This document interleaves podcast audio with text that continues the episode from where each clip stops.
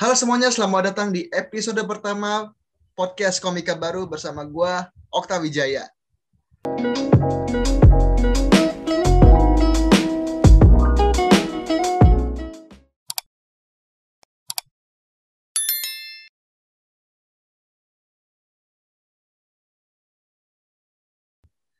Oke, jadi ini kesempatan yang sangat uh, luar biasa banget karena ini salah satu kehormatan bagi gue secara pribadi untuk episode pertama podcast Komika Baru karena pada kali ini gue akan berbicara langsung dengan founder Stand Up Indo Jakarta Selatan, Bapak Asep Suwaji. Gokil. Halo bro, WhatsApp, apa kabar? Mantap, mantap. Sebuah fun fact Mantap. karena adalah Bapak Asep Suwaji merupakan satu-satunya stand up komedian yang bisa video call dengan Miyabi. yes, yes. Itu satu banding berapa puluh juta orang bisa video callan sama Miyabi gitu. Dan gue adalah salah satu orang yang bisa video callan sama dia. Dan gak cuma itu, men. Gue kan dibilang gue dibilang cute gitu sama dia gitu. Iya lu dibilang ya Allah. Iya kan, uh, gue dibilang beruang gitu. Kayaknya dia naksir dah sama gue. iya. Ya Allah. Itu bini apa? Eh bang, btw lu udah, udah nikah belum sih bang? Uh, aduh lu nanya nikah sama sa, apa nggak boleh sama gue. Oke, okay, sorry sorry sorry. Nggak soalnya gue takutnya nanya nikah, nanya umur, Oke. Okay. Eh, nanya nikah, nanya umur gitu. Okay. Nanya uh, harta lu ada berapa tuh? Jangan bercanda-bercanda. Atau nggak minimal ya, belum belum belum belum ya? Nggak gue kebayang aja gitu kalau ya, belum, ya, belum misal kan. ketahuan bini gitu, itu gimana ceritanya tuh rame tuh rumah langsung. Aduh, gokil gokil. Ya gue rasa sih bini gue juga pernah nonton kalau misalnya gue ada bini dia. ya semoga maksudnya dia secepatnya ya. lah ya bisa dapat yang terbaik buat lu bang ya. Amin ya. Amin. Ya maksudnya dia kan ada film Indonesia juga tuh yang bukan film bokep jadi ya mungkin dia nonton itu gitu. Hmm, bagus. bang, btw gimana gua, kabar bang? Ya alhamdulillah gue baik uh, seperti yang lu lihat uh, yeah, yeah. dan tambah ganteng. Ini selalu lu mah. Ya yeah, you know. ya sekilas kayak just no limit ya, tapi ya aja. dewasa lah ya. Just no limit Sorry gue gak tahu. Ya Allah. Memang bukan kaum milenial, tapi nggak milenial sih yang tahu. Uh, by the way bang, ini makasih banget ya. Ini jadi satu kehormatan banget nih buat gue nih bisa uh, diskusi dan interview Bang Asep nih secara langsung mengenai tentang uh, pembahasan yang kita bahas pada episode perdana ini adalah starter pack menjadi seorang stand up komedian. Nah, sebelumnya teman-teman hmm. kenalin nama gue Okta Wijaya dan gue ini seorang komika baru. Nah, gue tuh mulai banget stand up comedy tuh uh, pas lagi COVID. Ya bisa dibilang gue nih stand up komedian angkatan COVID lah, baru banget. Dan pertama kali gue mencoba open mic itu ada di kontennya Ketawa Comedy Club. Nah, pada saat itu mungkin lo bisa lihat sendiri lah bagaimana cara gue membawakan materi pertama gue, ancur, anyap, tidak lucu, ngebom, dan lain sebagainya. Nah, maka dari itu di podcast ini gue punya tujuan untuk uh, bisa ngasih semangat, bisa ngasih uh, motivasi mungkin buat teman-teman di luar sana yang pengen berstand up komedi tapi uh, belum berani karena mungkin malu atau mungkin karena nggak tahu tempatnya di mana dan ya mungkin belum ada keresahan dan lain sebagainya. Nah maka dari itu gue bersama Bang Asep Suwaji ini kita akan membahas mengenai tentang starter packs menjadi seorang stand up komedian. Nah Bang Asep, Uh, kan mungkin uh, teman-teman di luar sana mungkin lebih mengenal Bang Asep tuh sebagai uh, salah satu peserta di Suci Satu Kompas TV. Dan yes. memang pada saat itu uh, Bang Asep ini kan salah satu orang yang mengawali kompetisi stand up comedy di Indonesia pada saat itu. Itu awal mula ceritanya gimana Bang bisa hingga akhirnya melakukan stand up comedy? Uh, kalau apa uh, cerita dari awal mula kenapa gue bisa ke ke stand up comedy itu kan sekitar 13 tahun yang lalu dah uh, 2018 kalau nggak salah ya uh, ya uh, apa gue tuh kerja di uh, itu kan 2011 uh, yeah. 2009 berarti. Oh 2009 ya, ya 2009 pokoknya tiga tiga bulan sebelum di apa di suci itu oke. okay. uh, gue kan waktu itu masih kerja di apa IT gitu. Di kantor lah gitu. Dan di kantor itu gue butuh uh, apa namanya kemampuan public speaking gitu. Karena gue harus menerangkan uh, apa uh, updatean terbaru gitu. Kalau misalnya uh, ada gitu ke apa ke uh, pe, apa uh, staff-staff di situ gitu di kantor gue gitu. Dan kemampuan ke apa uh, public speaking gue tuh agak kurang gitu waktu itu. Terus ya gue uh, waktu itu emang nyari tapi tiba-tiba gue lihat ke apa di komedi cafe waktu itu di kuningan ada kursus public speaking dan stand up comedy gitu. Itu hmm. gue bikin tertarik ya. Tertariknya juga karena di bawahnya di, ditulis juga uh, kata apa gratis gitu. Jadi gue bener-bener tertarik banget gitu. Maksudnya ya gue butuh terus gratis lagi. Ya udah gue gue apa gue daftar waktu itu. Uh, niatnya sih pengen public speaking aja waktu itu. Tapi uh, apa gue kan nggak tahu juga itu stand up comedy apa gitu. Makanya gue googling terus gue YouTube juga. Ternyata apa gue amazed gitu sama sama apa sama uh, stand up comedy ini gitu. Karena gue lihat di situ ada satu orang terus ditonton sama apa kayak ribuan orang gitu dan mereka tertawa gitu terbahak-bahak udah gitu apa yang dia sampaikan juga kayak semacam kritik sosial gitu yeah. uh, uh, itulah gitu ada ada ada istilahnya ada banyak dagingnya kalau misalnya sekarang lu istilahin gitu ya hmm. materinya gitu uh, terus uh, ya itu gue pikir gue kan cuma butuh uh, apa uh, kemampuan untuk bicara di depan umum uh, biar lancar dan nggak malu gitu. Uh, ya ya udah gue ke apa gue coba pelajari stand up comedy hmm. karena kalaupun misalnya nggak lucu atau apa gue kan uh, apa kalau misalnya nggak lucu atau atau atau gimana gitu garing atau yang penting kan gue uh, ada keberanian untuk bicara di depan umum gitu. Itu udah cukup buat gue gitu.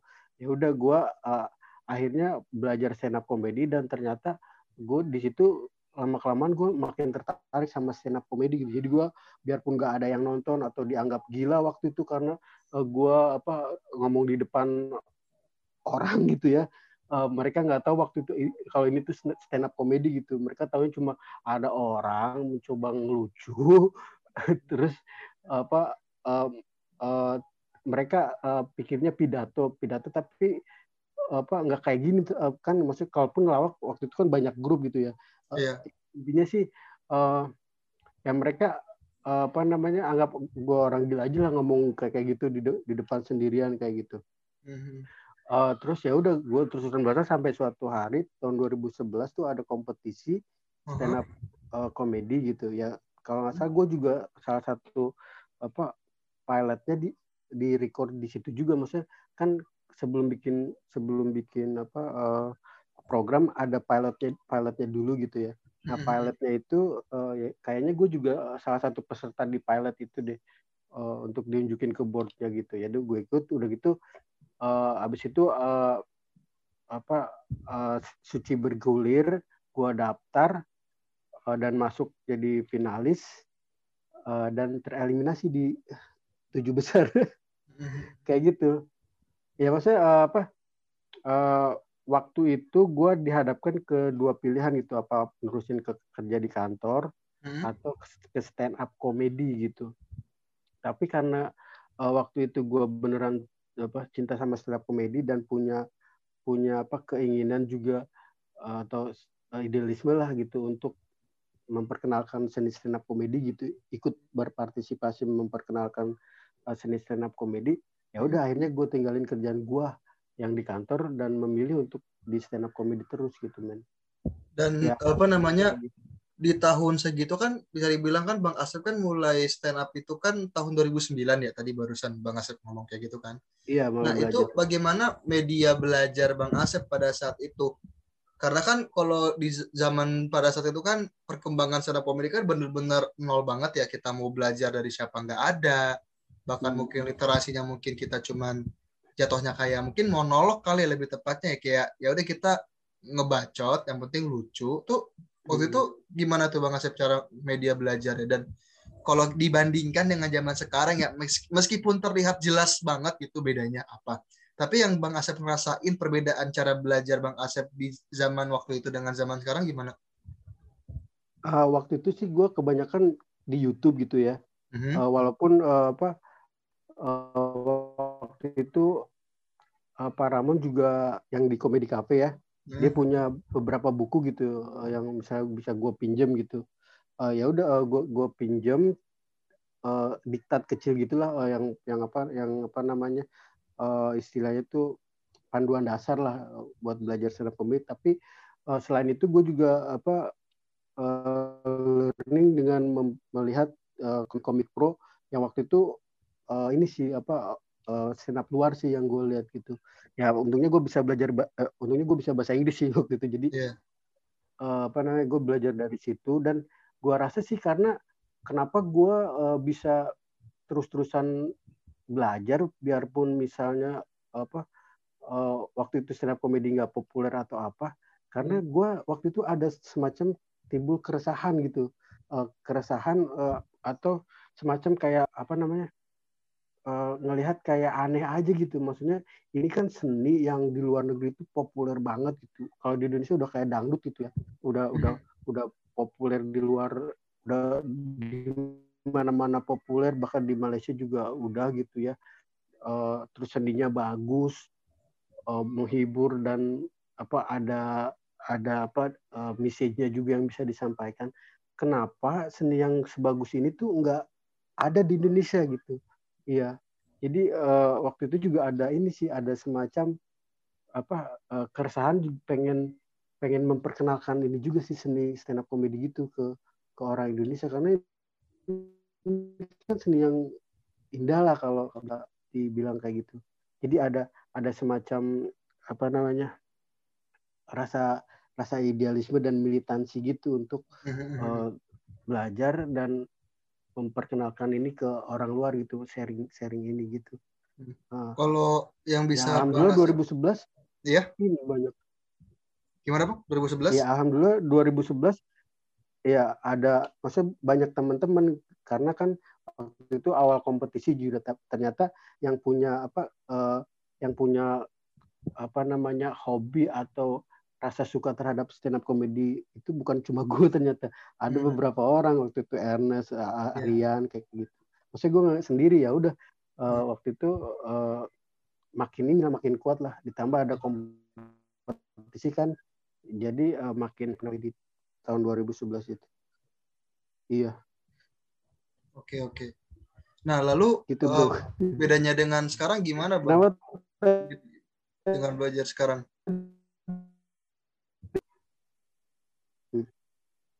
Ya dengan media belajar zaman sekarang, kalau bang Asep ngerasainnya sendiri kayak gimana bang? Ya uh, tentunya sangat ya banget gitu ya karena hmm. kalau misalnya sekarang uh, buku-buku aja udah Indonesia atau yang diterjemahkan ke Indonesia buku-buku stand up gitu ya. Terus yang kedua ya lebih banyak video-video apa orang belajar juga gitu. Dan apa sekarang kan ada komunitasnya lebih banyak lebih yeah. banyak banget komunitas lu juga bisa belajar di situ gitu di komunitas udah gitu juga apa komik-komik yang senior gitu uh, yang punya kemampuan untuk apa uh, sharing uh, apa sharing ilmunya gitu ya mereka juga bikin konten-konten belajar stand up gitu kan. Musuh hmm. banyak banget sekarang apa uh, apa media lu untuk belajar gitu. Jadi uh, apa namanya? Ya manfaatin lah maksudnya ini kayaknya lebih lebih menguntungkan lo gitu daripada waktu gue dulu. Gue cuma hmm. lihat dari gue cuma lihat dari video orang luar udah gitu uh, belajar di komedi cafe yang itu juga kadang cuma sebulan sekali juga kadang kayak gitu uh, sebulan sekali terus uh, bukunya juga nggak banyak gitu. Iya, iya. Gitu. Cuma karena waktu itu seneng banget jadi ya terus aja gue gue apa gue tekuni gitu sih men. Hmm. Uh. Nah lalu juga gini bahkan salah satu starter pack yang terpenting dalam menjadi seorang stand up comedian adalah yang sering dibicarakan banyak orang tapi kadang mungkin ada beberapa atau mungkin juga bisa dibilang banyak komika baru yang dalam tanda kutip negatif sebetulnya antara nggak mau ataupun takut bergabung di komunitas. Nah, bicara soal komunitas kan Bang Asep Swaji ini kan founder dari komunitas up Indo Jaksel ya. Kalau boleh nih Bang cerita sedikit deh mengenai tentang uh, terbentuknya komunitas stand up Indo Jaksel tuh awal mula tuh seperti apa hingga akhirnya tuh merambat ke seluruh Indonesia? Uh, ya itu kan dulu kan ada uh, dulu cuma satu komunitas yaitu stand up Indo gitu ya. Dan hmm. mereka juga punya apa tuh namanya uh, open mic di satu tempat gitu. Yang awal kan rame banget gitu. Terus waktu itu juga uh, apa ada apa uh, kota lain gitu kayak kayak Bekasi yang yang bikin ini yang bikin apa uh, stand up stand up Bekasi kayak gitu. Nah gue juga ini maksudnya gue juga apa namanya kepikiran gitu untuk bikin uh, apa komunitas stand up komedi hmm. Yang apa yang apa namanya yang open mic-nya di Jaksel terus apa namanya Jaksel kan istilahnya itu tempat yang ramai juga gitu maksudnya uh, ada ada opportunity juga di situ gue ngelihat kalau misalnya apa uh, stand up jaksel atau anak-anak komikanya bisa tumbuh gitu mungkin bisa bisa tampil di beberapa kafe yang ada di Jaksel kayak gitu sih awalnya sih kepikiran kayak gitu. Selain ya untuk ini juga untuk apa mengasah kemampuan uh, gua gitu maksudnya ya open mic lah harus kan sebenarnya wajib uh, ya mau nggak mau gitu kalau up komedian tuh harusnya tuh konsisten open mic gitu biar biar apa feelnya uh, apa namanya materinya berkembang dan sebagainya gitu ya udah gue bikin aja uh, uh, stand up Jakarta Selatan. Mm-hmm. uh, terus uh, setelah itu sih terus terang gue kan waktu itu agak agak nggak fokus gitu. Karena gue waktu itu uh, kekerjaan yang lain gitu yang uh, contohnya sketsa komedi gitu di Trans TV gitu ya. Gue uh, waktu itu syuting dari Senin sampai Sabtu gitu.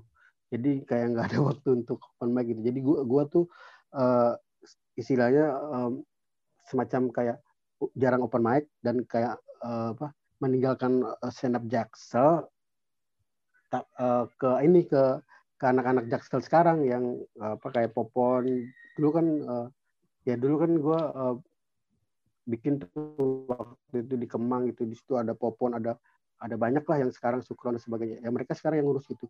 Sebenarnya kalau kalau gue sih mungkin cuma membangun aja gitu ya. Maksudnya yeah. apa uh, ngad, apa munculin stand up jaksel gitu ngadain open mic awal-awal gitu dan sebagainya gitu nge-arrange gitu. Tapi yang membuat apa berkembang itu ya anak-anak sekarang gitu terus terang uh, kayak ya Popon Sukron dan anak-anak jaksel sekarang yang ini yang yang berjasa gitu mengembangkan stand up jaksel.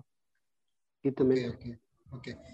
Uh, eh, berarti bisa dibilang ya apa uh, dengan lahirnya Senap Indo Jaksel dan bisa besar seperti saat ini itu pula juga karena peran uh, teman-teman yang lain ya semacam kayak Bang Popo dan juga Bang Syukron Jamal juga ya Bang ya.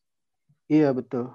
Iya uh, maksudnya uh, apa kalau misalnya gara-gara satu orang apalagi foundernya gue nggak percaya gitu di di apa namanya di uh, komunitas stand up mana pun gitu ya hmm. yang bikin apa maju itu ya semuanya itu bareng-bareng uh, ya kalau dalam kasus Jakarta Selatan ya gue mungkin awal-awalnya bikin tapi yang benar-benar apa mengembangkan sampai sekarang ya hmm. mereka gitu nah gitu sih. Uh, Bang Asep kan sebagai komika baru uh, baik itu saya maupun teman-teman yang ada di luar sana terkadang kita tuh suka bingung bagaimana cara menulis uh, materi stand up komedi yang baik. Nah, kadang tuh uh, mungkin lebihnya ke arah saya pribadi ya. Nggak tahu sih kalau ke teman-teman komika baru mungkin kalau ini bisa mewakili kalian kurang tahu juga, tapi semoga ini bisa mewakili. Sebagai komika baru ketika kita ingin membawakan materi stand up komedi, kan selalu ada prinsip yaitu don't try to be funny, ya kan? Hmm. Nah, itu cara kita menulis materi stand up itu kita awali dari tulis aja dulu materinya semua, apa kita awali dari setup punchline dulu. Soalnya terkadang ini buat saya pribadi terutama menulis setup dan punchline itu tidak semudah yang di sesuai dengan teorinya gitu. Kadang uh, ceritanya tuh terlalu panjang ataupun ada hal-hal lain. Apakah lebih startnya itu kepada tulis aja dulu ceritanya masalah lucunya bisa dicari atau gimana dulu bang Asep baiknya? Ya. Uh, by the way ini kan ngomongin starter pack gitu ya. Mm-hmm. kalau menurut gue uh, sebelum ke situ uh, gue uh, pengen kasih apa namanya sharing lah gitu uh, pendapat gue gitu. Kalau misalnya starter starter pack yang uh, utama gitu yang nomor satu kalau menurut gue sih uh, rasa suka lu ke kepada stand up comedy gitu. Uh, rasa cinta lu kepada stand up comedy gitu. Maksudnya kalau misalnya lu beneran suka gitu sama stand up comedy uh, dan bisa ngelihat seninya keindahannya di sini gitu itu modal lu banget gitu. Uh, dan lu nggak bakal istilahnya tuh istilah ketakutan ketakutan misal takut gak lucu takut apa itu bakal tersingkirkan ini gue pribadi ya bakal tersingkirkan karena rasa kesukaan dan cinta lu kepada stand up comedy gitu. Lu pengen berkembang uh, pengen bisa gitu. Jadinya lu uh, terus aja gitu. Uh, apa namanya stand up comedy. Biarpun misalnya lu ngebom atau apa atau gimana gitu kalau kalau pas ngebom lu nggak bakal uh, gak bakal berhenti gitu. Tapi lu jadikan uh, apa ngebom lu itu tuh sebagai pelajaran juga gitu sebagai suatu bagian dari stand up comedy uh, yang lo harus rasakan dan itu pasti ada gitu masa ngebom-bom itu dan lu bak pasti bakal lanjut. Masa nggak bakal berhenti aja gitu kalau misalnya yeah. lu punya cinta dan rasa suka kepada stand up comedy terus yang yang kedua ya itu materi uh, materi ini kalau gue pribadi gue sih biasanya dari keinginan gue dulu gitu. Orang banyak nyebutnya keresahan gitu ya keinginan untuk menceritakan sesuatu uh, atau sharing sesuatu gitu uh, kepada audiens itu kepada orang-orang gitu maksudnya uh, kayak gue dulu kan masa masa kebanyakan materi gue kan jomblo gitu masa gue hmm. waktu itu emang bener-bener gue tuh merasa istilahnya tuh resah gitu sama sama apa kejombloan gue gitu hmm. uh, maksudnya uh, sesuatu sesuatu ya berangkat dari sesuatu yang pengen lu ceritakan dulu keresahan lu dulu gitu lu mau nyeritakan apa. Nah dari situ lu bisa bisa ada yang bisa bikin mind map mind map gitu. Uh, udah gitu ya udah uh, cari cari setup punchline-nya gitu setup punchline-nya gitu. Maksudnya ya awal sih dari dari ini uh, kesan lu sesuatu yang pengen lu ceritakan itu pengen orang-orang uh, apa uh, di luar tahu gitu. Dan sesuatu yang yang menarik tentunya yang yang menurut lu menarik untuk di, diceritakan? Karena uh, terus terang sih kalau menurut gue uh, yang storytelling yang apa istilahnya tuh uh, punchline apa punchline-nya lama gitu ya nunggunya gitu. Mm-hmm. Tapi karena kalau misalnya storytelling lu menarik untuk diikutin gitu, uh, ya uh, orang masih bakal mengikuti gitu. Maksudnya kalau misalnya lu mau mau, mau storytelling, ya storytelling lah apa hal yang menarik uh, atau me, apa me, menghook orang untuk mendengarkan uh, apa story lu gitu bikin hmm. story yang menarik tuh kalau gue sih terus terang gue lebih suka yang apa uh, eh, RPM-nya padat gitu. Jadi setup punchline setup punchline gitu. Yeah, uh, yeah. ya kalaupun storytelling gak terlalu panjang dan di tengah-tengahnya juga ada diselipin hal punch kayak kayak gitu. Ya maksudnya karena uh, gue gue lebih suka yang banyak orang ketawa gitu hmm. ya itu intinya dari keresahan lu gitu men lu dari dari dari hal yang pengen lu ceritain gitu uh, keresahan juga kan dari dari apa yang ada di sekeliling lu dari dari fisik lu aja gitu mungkin lu resah gitu karena kata apa kayak gue dulu kan gue tonggos gigi gue gitu gue bener-bener resah gitu kenapa gigi gue ini kayak gini gue iya. ceritain yeah. gitu uh, gigi gue gitu gue cari setup punchline-nya kayak kayak gitu oke okay, oke okay. Nah, terus selanjutnya gimana Bang? Selain uh, kita mencintai seninya, kita mencintai juga tentang materinya, apa mencari materinya. Tapi terkadang begini Bang, ini uh, niat niat gue pada awalnya ya, niat gue pada awalnya gue melakukan stand up comedy itu jujur aja gue tuh tahu stand up itu dari tahun 2011 dari zamannya Suci satu yang di mana channel Kompas TV pada saat itu masih susah dicari ya, dan hingga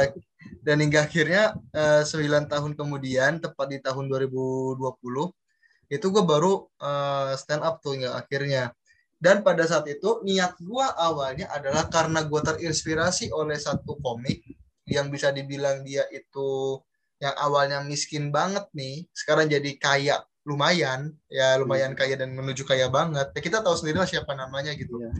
Nah kadang di sisi uh, gua tuh suka berpikir kalau sebenarnya gua tuh niat stand up comedy itu untuk cari duit apa untuk bikin uh, membahagiakan diri gue sendiri membahagiakan orang lain gitu. Karena ini jujur aja bang ya gue pribadi di saat gue gue kalau dibilang tulisan gue apakah tulisan gue udah banyak? Tentu aja belum karena masih baru tapi kalau apakah gue nulis tentu gue nulis. Di sisi lain gue pun kadang suka liatin video-video ya let's say kayak nonton, nonton videonya bang Panji yang sharing komunitas. Karena jujur aja bang sebelum gue open mic dicoba ketawa sebelum gue open mic itu gue tuh nontonin semua video playlist pecahkan. Itu semuanya gue tontonin. Dari yang hmm. video yang maksimal 10 menit sampai video satu setengah jam gue tontonin semua. Berapa setidaknya gue tahu uh, plus minus seorang komik tuh kayak gimana nah bahkan di tengah jalan ketika gue sudah bukan di tengah jalan mungkin lebih tepatnya seperempat jalan malahan selama gue menjadi seorang komik baru banget gitu gue sempat kepikiran kayak gue takutnya salah niat makanya perlu untuk diluruskan kembali. Nah pertanyaan gue adalah sebenarnya boleh nggak sih seor seseorang yang pengen nyoba stand up comedy ataupun nanti pengen masuk ke dunia stand up ketika mereka punya niatan untuk hanya sekedar untuk uang apakah itu lumrah bang? Uh, kalau menurut gue sih kalau niat lu cuma sekedar uang uh, lu kemungkinan kecil sih sukses lu men maksudnya yeah, yeah. ini kan sesuatu yang yang harus dipelajari gitu sesuatu yang yang apa lu butuh ini juga sih kayak apa namanya uh, tekad dan militansi gitu sih kalau kalau kalau mau benar-benar sukses gitu kayak ya saya yang lu lihat di TV sekarang Marcel Kiki gitu gue lihat hmm. dari dulu mereka benar-benar konsisten gitu eh, stabil gitu belajar open mic ikut lomba dan sebagainya gitu maksudnya nggak nggak putus dari dunia stand up comedy gitu yeah. Iya. uh, nggak kayak gue waktu itu sempet putus juga sih hmm. ya kalau misalnya lu gak punya rasa rasa apa apa istilahnya rasa cinta gitu rasa suka dan nggak bisa ngelihat uh, indahnya seni itu gitu lu kalau kalau misalnya gagal terbentur gitu ya lu mungkin bakal nyerah gitu kalau misalnya lu lu apa cuma gara-gara duit gitu dan lu misalnya nggak lucu nggak lucu nggak lucu ada kemungkinan sih lu depresi gitu maksudnya. Iya iya. Kira gitu uh, maksudnya ya uh, apa kalau misal niat cuma duit duit ya kayaknya enggak sih kalau menurut gua lu nggak hmm. bakal nggak bakal bisa sukses gitu. Uh, mungkin sih ya niatnya ya karena lu benar-benar suka dan iya yang kayak gue bilang tadi lu benar-benar suka dan cinta seni ini terus yang kedua ya ya ya udah itu uh, lu bisa pikirin uangnya itu hmm. dari ya dari ini aja maksud dari dari apa kepintaran lu berbisnis gitu gitu maksudnya tapi modal utamanya sih ya rasa suka sehingga lu belajar hmm. uh, terus uh, berkembang uh, dan gak berhenti kayak gitu. Hmm. habis itu uh, lu lucu dan orang-orang recognize lu terus dunia entertainment juga ngelihat lu dan lu ini lu apa namanya ya bisa berhasil sukses. Kalau jadi bisa duit tuang sih enggak kalau menurut gua lu eh, ada ada chance untuk chance besar untuk depresi gitu karena jadi bisa dibilang ya jatuhnya kayak nothing tulus aja bang ya kita jalanin aja dulu tapi kalau misalnya duit itu terdatang sendiri kan bisa dibilang kayak gitu kan ya seneng seneng aja dulu men maksudnya pas lu hmm. stand up comedy gitu biarpun gak lucu gitu emang suka kepikiran gitu tapi pas yeah. lu, lu berstand up itu lu ada sesuatu rasa yang apa ya lu seneng gitu melakukannya bukan beban gitu bukan yeah. suatu beban itu ya mungkin sebagian besar stand up komedian juga merasakan pas naik stage itu ada ada nervous atau apa gitu yang kadang dirasa dengan, sebagai beban gitu. Bahkan uh, kadang juga gue berpikir kenapa sih gue jadi stand up comedian gitu sebelum naik stage? gitu.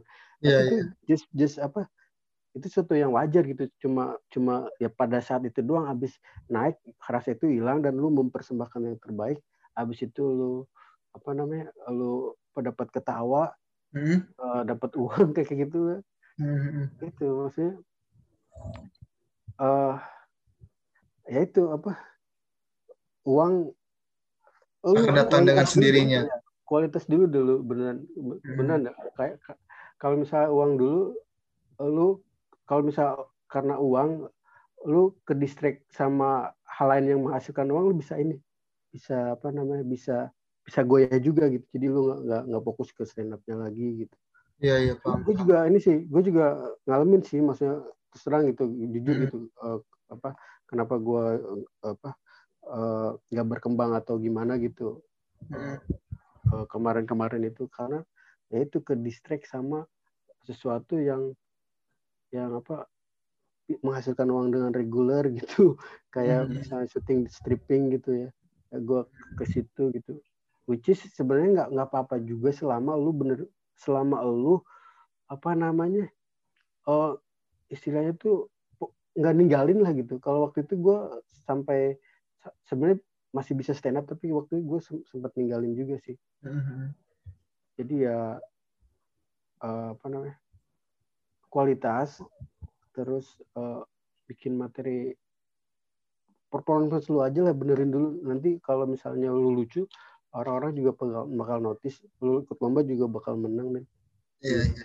nah bicara soal lomba bang. Bicara soal lomba. Ini uh, ini yang selalu pertanyaan yang sering banget menghantui pikiran gue gitu.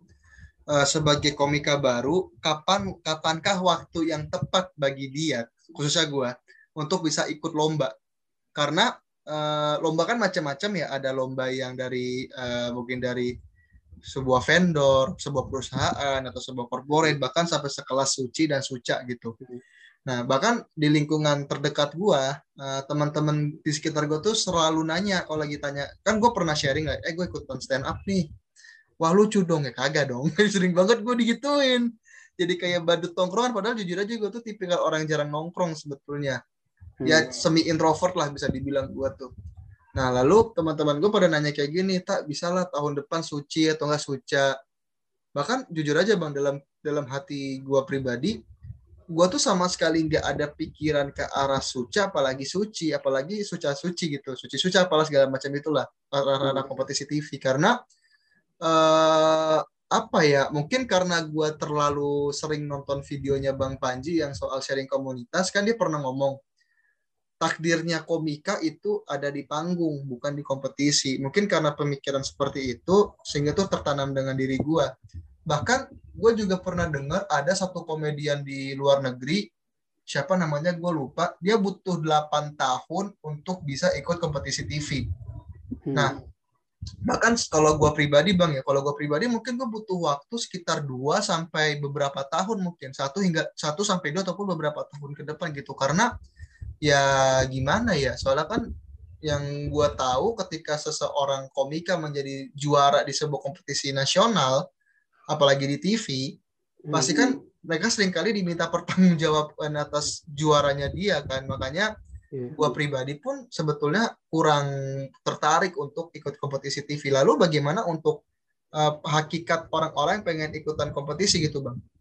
Khususnya untuk komika baru gitu Ya, kalau menurut gue sih kalau misalnya lu beneran ready dan beneran hmm. lucu gitu, maksudnya hmm. kan uh, yang bilang lucu kan gak cuma lu doang gitu, maksudnya ada yeah. ada audiens lu gitu, maksudnya kalau misalnya udah terbukti gitu, lu ready dan beneran lucu, ya why not gitu ikut kompetisi ini gitu, hmm. uh, apa, uh, ya kenapa enggak gitu? Kalau nggak salah ada juga sih yang suca kemarin tuh yang baru enam bulan ya stand up udah ikut yang anak kecil ya yang suci. Uh -huh. Oh yang Jogja ya, komika Jogja ya?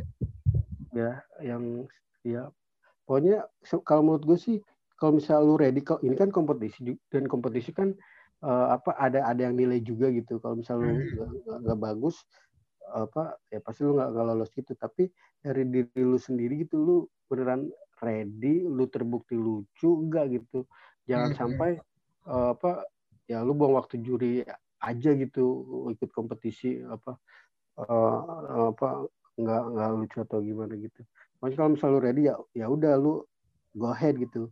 Uh, apa ikut kompetisi uh, uh, dan lain-lain. Tapi kalau kalau kalau kalau apa namanya? Kalau pesan gua gitu ya untuk komik-komik yang baru nih uh, apa maksud gua untuk kayak semacam ambil job gitu ya kalau kalau kompetisi sih nggak apa-apa gitu tapi kalau untuk ambil job karena kan lu dibayar gitu hmm. jadi lu mesti hati-hati gitu kalau misal lu beneran apa nggak ready atau nggak bisa jangan diambil karena apa itu bisa apa menimbulkan citra jelek juga kan buat ya lu pribadi sama stand up komedi juga gitu. Iya yeah, iya. Yeah. Uh, ya maksudnya uh, ada juga sih yang yang komik lain juga ngingetin gitu maksudnya kalau uh, kayak misalnya uh, baru baru satu kali open mic gitu atau apa gitu udah nyebarin kartu nama gitu. Kalau gue sih nggak ini sih maksudnya udah udah nggak maksudnya nggak nggak nggak ini apa apa istilahnya tuh nggak sedikit nggak respect lah sama yang kayak gitu. Maksudnya kan kawan uh, money oriented banget gitu bang istilahnya iya, ya? uh, baru baru ya baru sekali open mic udah hmm. gitu juga apa istilahnya nggak lucu atau apa lu udah bikin kartu nama dan ya nyebarin kartu nama ke perusahaan itu ada ada yang manggil lu misalnya terus pas pas apa namanya pas perform lu saks gitu dan uh, panitianya kecewa udah gitu mereka juga mungkin jadi kapok untuk manggil up komedian lagi gitu. Maksudnya kayak kayak gitu sih. Uh, I mean uh, kalau kalau misalnya mau apa dibilang komik atau lu mau uh, bikin kartu nama, kalau menurut gua lu harus harus tanya juga sama diri lu gitu, bertanggung jawab juga sama sama sama apa sama apa yang lu lakukan gitu apakah benar yeah. lu udah iya. deserve yeah. dipanggil uh, apa uh, stand up komedian gitu atau apa gitu atau apa namanya ya itu apa uh, setelah itu kalau misalnya lu beneran mau dengan track yang cepat gitu ya lu mesti keluar effort lebih juga kayak lu misalnya tiap hari mungkin belajar gitu. Pokoknya mengejar mengejar apa namanya? Mengejar uh, apa istilahnya tuh uh, mengejar skill lu biar benar-benar bisa bagus dan sebagainya gitu.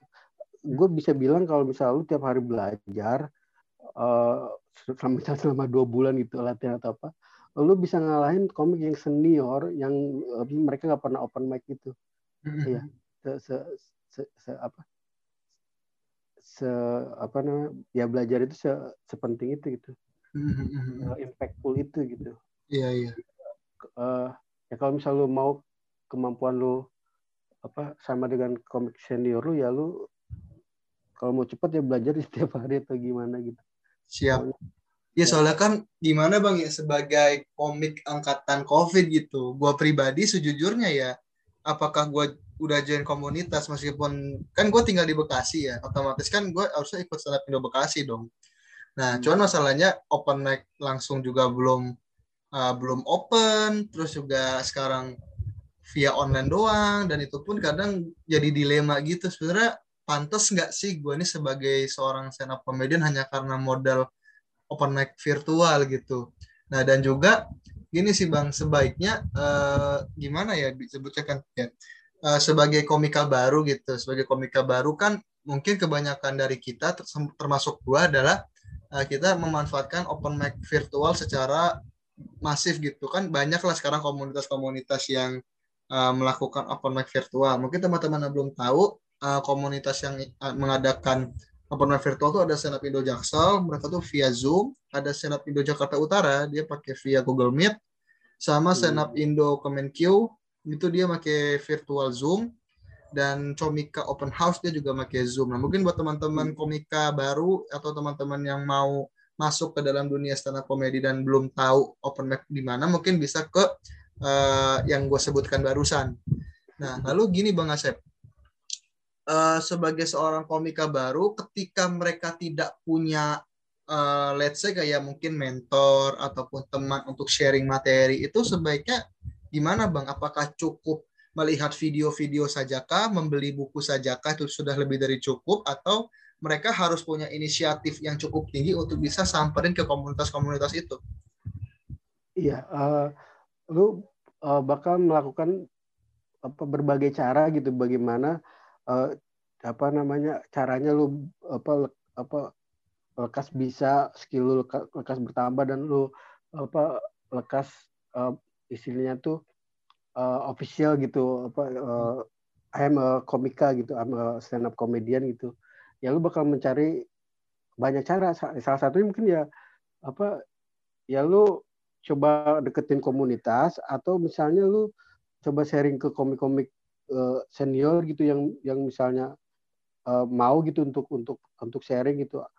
Uh, terus apa namanya ya lu cari cari sebenarnya yang ini sih cari mentor sih ya maksudnya cari cari teman senior yang yang bisa ngajar itu atau yang yang bisa apa istilahnya itu kasih ya sharing gitulah sharing sharing apa namanya uh, knowledge-nya gitu terus lu bisa diskusi dan mungkin bikin materi bareng gitu ada kombutnya gitu mm-hmm. ya kalau misal misalnya sama-sama kombut dengan sama-sama yang belum tahu banyak tentang stand up gitu ya mungkin agak ini juga sih men agak agak susah tapi ya apa ya kalau misal lu bener-bener tekad lu kuat dan militan ya mungkin lu cari siapa gitu yang bisa diajak iya. untuk kombut gitu untuk untuk sharing gitu.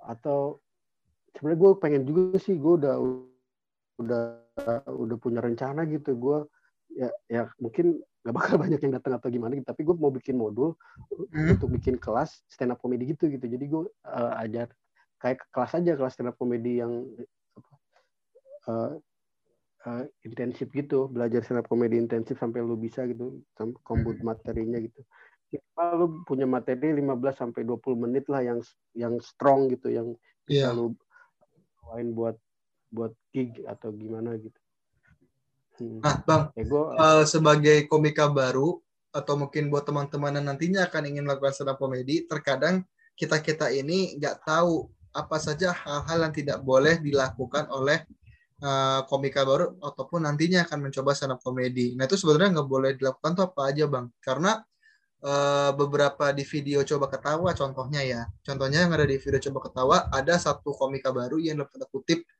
secara gimana gue nyebutnya ya agak nggak enak sih nyebut tapi ya udahlah ngomongnya songong nah ada komika baru yang songong yeah. dan terus ada juga yang uh, mungkin uh, ada kasus di mana ada komika baru yang mungkin dia antara tahu ataupun tidak tahu kalau itu punya orang make materi oh, iya, punya iya. orang itu kan sering kali hmm. menjadi hal yang sangat mungkin sering banget ya bang ya hmm. katanya sih ya saya kurang tahu juga kalau soal itu nah tuh uh, selain kedua hal itu selain kedua hal itu apa aja sih yang sebenarnya nggak boleh dilakukan oleh komik baru khususnya ya uh, at, ya maksudnya dua itu emang strong sih maksudnya attitude yang pertama itu dulu nggak sombong lu apa namanya uh, apa namanya enak lah kalau misalnya nongkrong atau gimana gitu nggak nggak gimana nggak sombong atau ya ya pertama itu dia dijaga gitu apalagi sama um, ya sama senior lah istilahnya gitu yeah, yeah. bukan pengen dihormat hormat gitu tapi ya apa ya namanya uh, ya jaga aja lah hati itu gitu soalnya kan uh, kalau misalnya hati itu jelek atau lu gimana gitu kadang juga menyebar gitu. Yeah. dan orang jadi nggak simpati sama lu gitu. Ya apa yang pertama yang kedua tadi kan apa membawain materi orang tuh parah banget tuh jangan. Benar uh, terus yang ketiga mungkin ya itu sih apa hmm, materi lu mungkin apa ya, kalau ya sesuaikan gitu. Maksud gue kalau misalnya lu open mic-nya di ruang terbuka kayak tempat makan atau gimana gitu ya hmm. dan lu tuh ngomongin uh, apa kata logical jokes kalau yang dibilang itu jok yang jorok itu tentang tentang apa tahi dan sebagainya ceritaan itu itu kan uh, apa tuh namanya kadang nggak bikin nyaman uh, yang yang audiensnya gitu hmm. uh, uh, uh, ya terus ya itu juga masuk kata-kata kasar kayak apa namanya uh, kelamin dan sebagainya gitu Hmm. Kalau misalnya di ini ya di ruang terbuka atau apa, maksud materi lu mesti di ini lah, maksud di istilahnya tuh lihat audiens itu. Iya, iya. Apa kayak yang kemarin gue bilang. Selebihnya apa yang nggak boleh? Ya selain uh, pakai materi orang sama attitude gitu. itu gue punya plagiat terus uh, materi yang kasar jorok di audiens karena bisa kaget audiens dan bikin orang yang punya KP juga nggak nyaman gitu. Kadang disesuaikan ada, dengan lokasi ya gitu ya bang ya? Iya, iya. Kadang ada juga tuh orang apa uh, yang punya kafenya tuh nggak nyaman lu ngomong kata apa hmm. uh, kontol dan sebagainya gitu itu. Iya, iya, iya. Apalagi tempat makan lu ngomongin bahas masalah tahi atau gimana gitu. uh, apalagi ya? Kayaknya itu deh attitude yang lu dijaga-jaga sama ya lu yang yang rajin gitu. Iya, iya yang eh, apa ya, yang yang men, apa, menunjukkan kalau lu beneran antusias lah untuk belajar gitu lah maksudnya uh, apa ya berarti bisa dibilang tuh yang pertama attitude itu kayak nomor satu hmm. banget tuh kayak attitude terus yang kedua adalah lu nggak boleh pakai materi orang itu kayaknya tuh yeah, udah, haram haram banget sih yang ketiga uh, sesuai dengan lokasi dan keempat lu punya niat apa usahakan lu harus benar-benar punya niat belajar yang gede gitu kan ah, melakukan gitu. stand up comedy itu. Ah. Iya, jadi uh, yang ngajarin lu atau yang sharing sama lu juga kan merasa apa namanya uh, dihargai gitu, maksudnya merasa yeah. berguna gitu apa? Iya yeah, iya. Ya gitu deh mungkin deh. Nah jadi, terus ini, uh, hmm, nah terus ini terakhir nih bang, pertanyaan terakhir dari gua nih, uh, apa namanya? mungkin buat teman-teman di luar sana gitu yang masih belum berani ataupun mungkin udah ada yang pernah open terus sekarang hilang ataupun ya mungkin mereka masih punya rasa ketakutan dalam dirinya untuk melakukan open mic untuk pertama kalinya gitu. Baik itu secara off air offline maksud gue baik itu secara offline maupun secara virtual. Nah sebenarnya langkah apa sih yang paling yang benar-benar harus dilakukan pertama kali gitu bagi seorang komika baru? Gimana tuh bang? Uh, pertama lu ya usah uh, meyakinkan diri lu gitu. Kalau misalnya lu benar-benar suka gitu sama sama seni ini gitu lu bisa lihat uh, keindahannya gitu atau uh, apa uh, niat lu oke okay lah kokoh gitu maksud untuk belajar stand up comedy gitu. Terus yang kedua lu siapin kalau misalnya udah yakin gitu uh, istilahnya tuh uh, I love this this uh, apa this this art gitu. Gue suka seni ini ya lu uh, apa bikin materi gitu bikin materi lu bisa bisa apa uh, ya cari source mana pun yang bisa bisa bisa menghasilkan materi yang bagus gitu yang apa yang lucu yang yang apa namanya uh, yang bisa lu lu deliver gitu ke ke, ke audiens itu. Maksudnya beneran siapin materi yang bagus itu jangan asal-asalan gitu. Ya, iya iya. itu lu cari source-nya gitu entah lu belajar ke ke, ke komunitas atau ke senior kombut baca buku dan sebagainya intinya lu uh, berusaha bikin materi yang bagus mm-hmm. uh, udah, uh, udah itu ya udah lu latih materi lu di open mic uh, di, di open mic atau kalau misalnya sekarang nggak ada open mic mungkin ya bisa juga sih kalau misalnya ada teman-teman di depan teman-teman lu gitu ya yeah. karena stand up atau gini bahkan itu ada ada yang bilang lebih bagus itu uh, apa uh, selalu latihan di teman-teman yang bukan anak stand up gitu. uh, terus habis habis itu habis latihan di latihan itu kan lu uh, bisa bisa apa tuh namanya bisa apa uh, apa tuh namanya uh, bisa menentukan mana materi yang works mana yang enggak gitu hmm. nah lu kan bisa ambil semua materi yang works yang enggak worksnya lu bisa rewrite atau bisa tunda dulu gitu uh, ya udah uh, dengan materi yang kuat lu lu latih lagi terus-terusan sampai lu bener apa enak banget ngebawainnya dan gak nggak ngeblank atau sebagainya gitu ya udah hmm. lu bisa bisa ikut uh, apa uh, kompetisi gitu yang, yang misalnya kalau lu juara satu atau lu juara gitu kan ada semacam legitimasi lah gitu wah lu bagus gitu bisa juara hmm. gitu habis itu apalagi kalau misalnya lu ikut yang ke suci gitu atau suca gitu ya hmm. biarpun yang tadi lu bilang kata Panji kayak gitu tapi kalau menurut gua kalau uh, uh, ikut kompetisi di TV itu salah satu showcase gitu buat lu gitu uh, hmm. lu juga kan mungkin bakal dilihat juga sama uh, apa orang-orang atau komik-komik di seluruh Indonesia juga kan lu ke notice gitulah apa uh, nama lu gitu itu showcase yang bagus uh, selain kan lu bisa belajar dengan mentor yang di TV itu terus lu bisa apa ambil pelajarannya dari feedback feedback juri kayak gitu. Uh, ya itu uh, ajang belajar aja sih mungkin buat lu juga gitu pembuktian belajar dan pembuktian gitu. Uh, apa uh, nothing tulus lah untuk untuk ini untuk untuk bisa ikut kompetisi kayak gitu. Uh, terus ya udah abis itu lu pertahanin gitu. Uh, pertahanin maksud kalau misalnya lu juara satu lu kalau misalnya nggak open mic lagi atau lu putus dari uh, dunia stand up networking dan sebagainya gitu ya lu bakal mulainya susah lagi agak ini lagi agak ini lagi. Ya maksudnya lu harus konsisten untuk stand up terus uh, latih bagian materi gitu. Kalau gue terus terang dulu sempat sempat vakum tapi gue uh, berusaha uh, untuk membangun lagi stand up gue gitu ya gue semangat lagi lah insya Allah. Semangat banget Chef.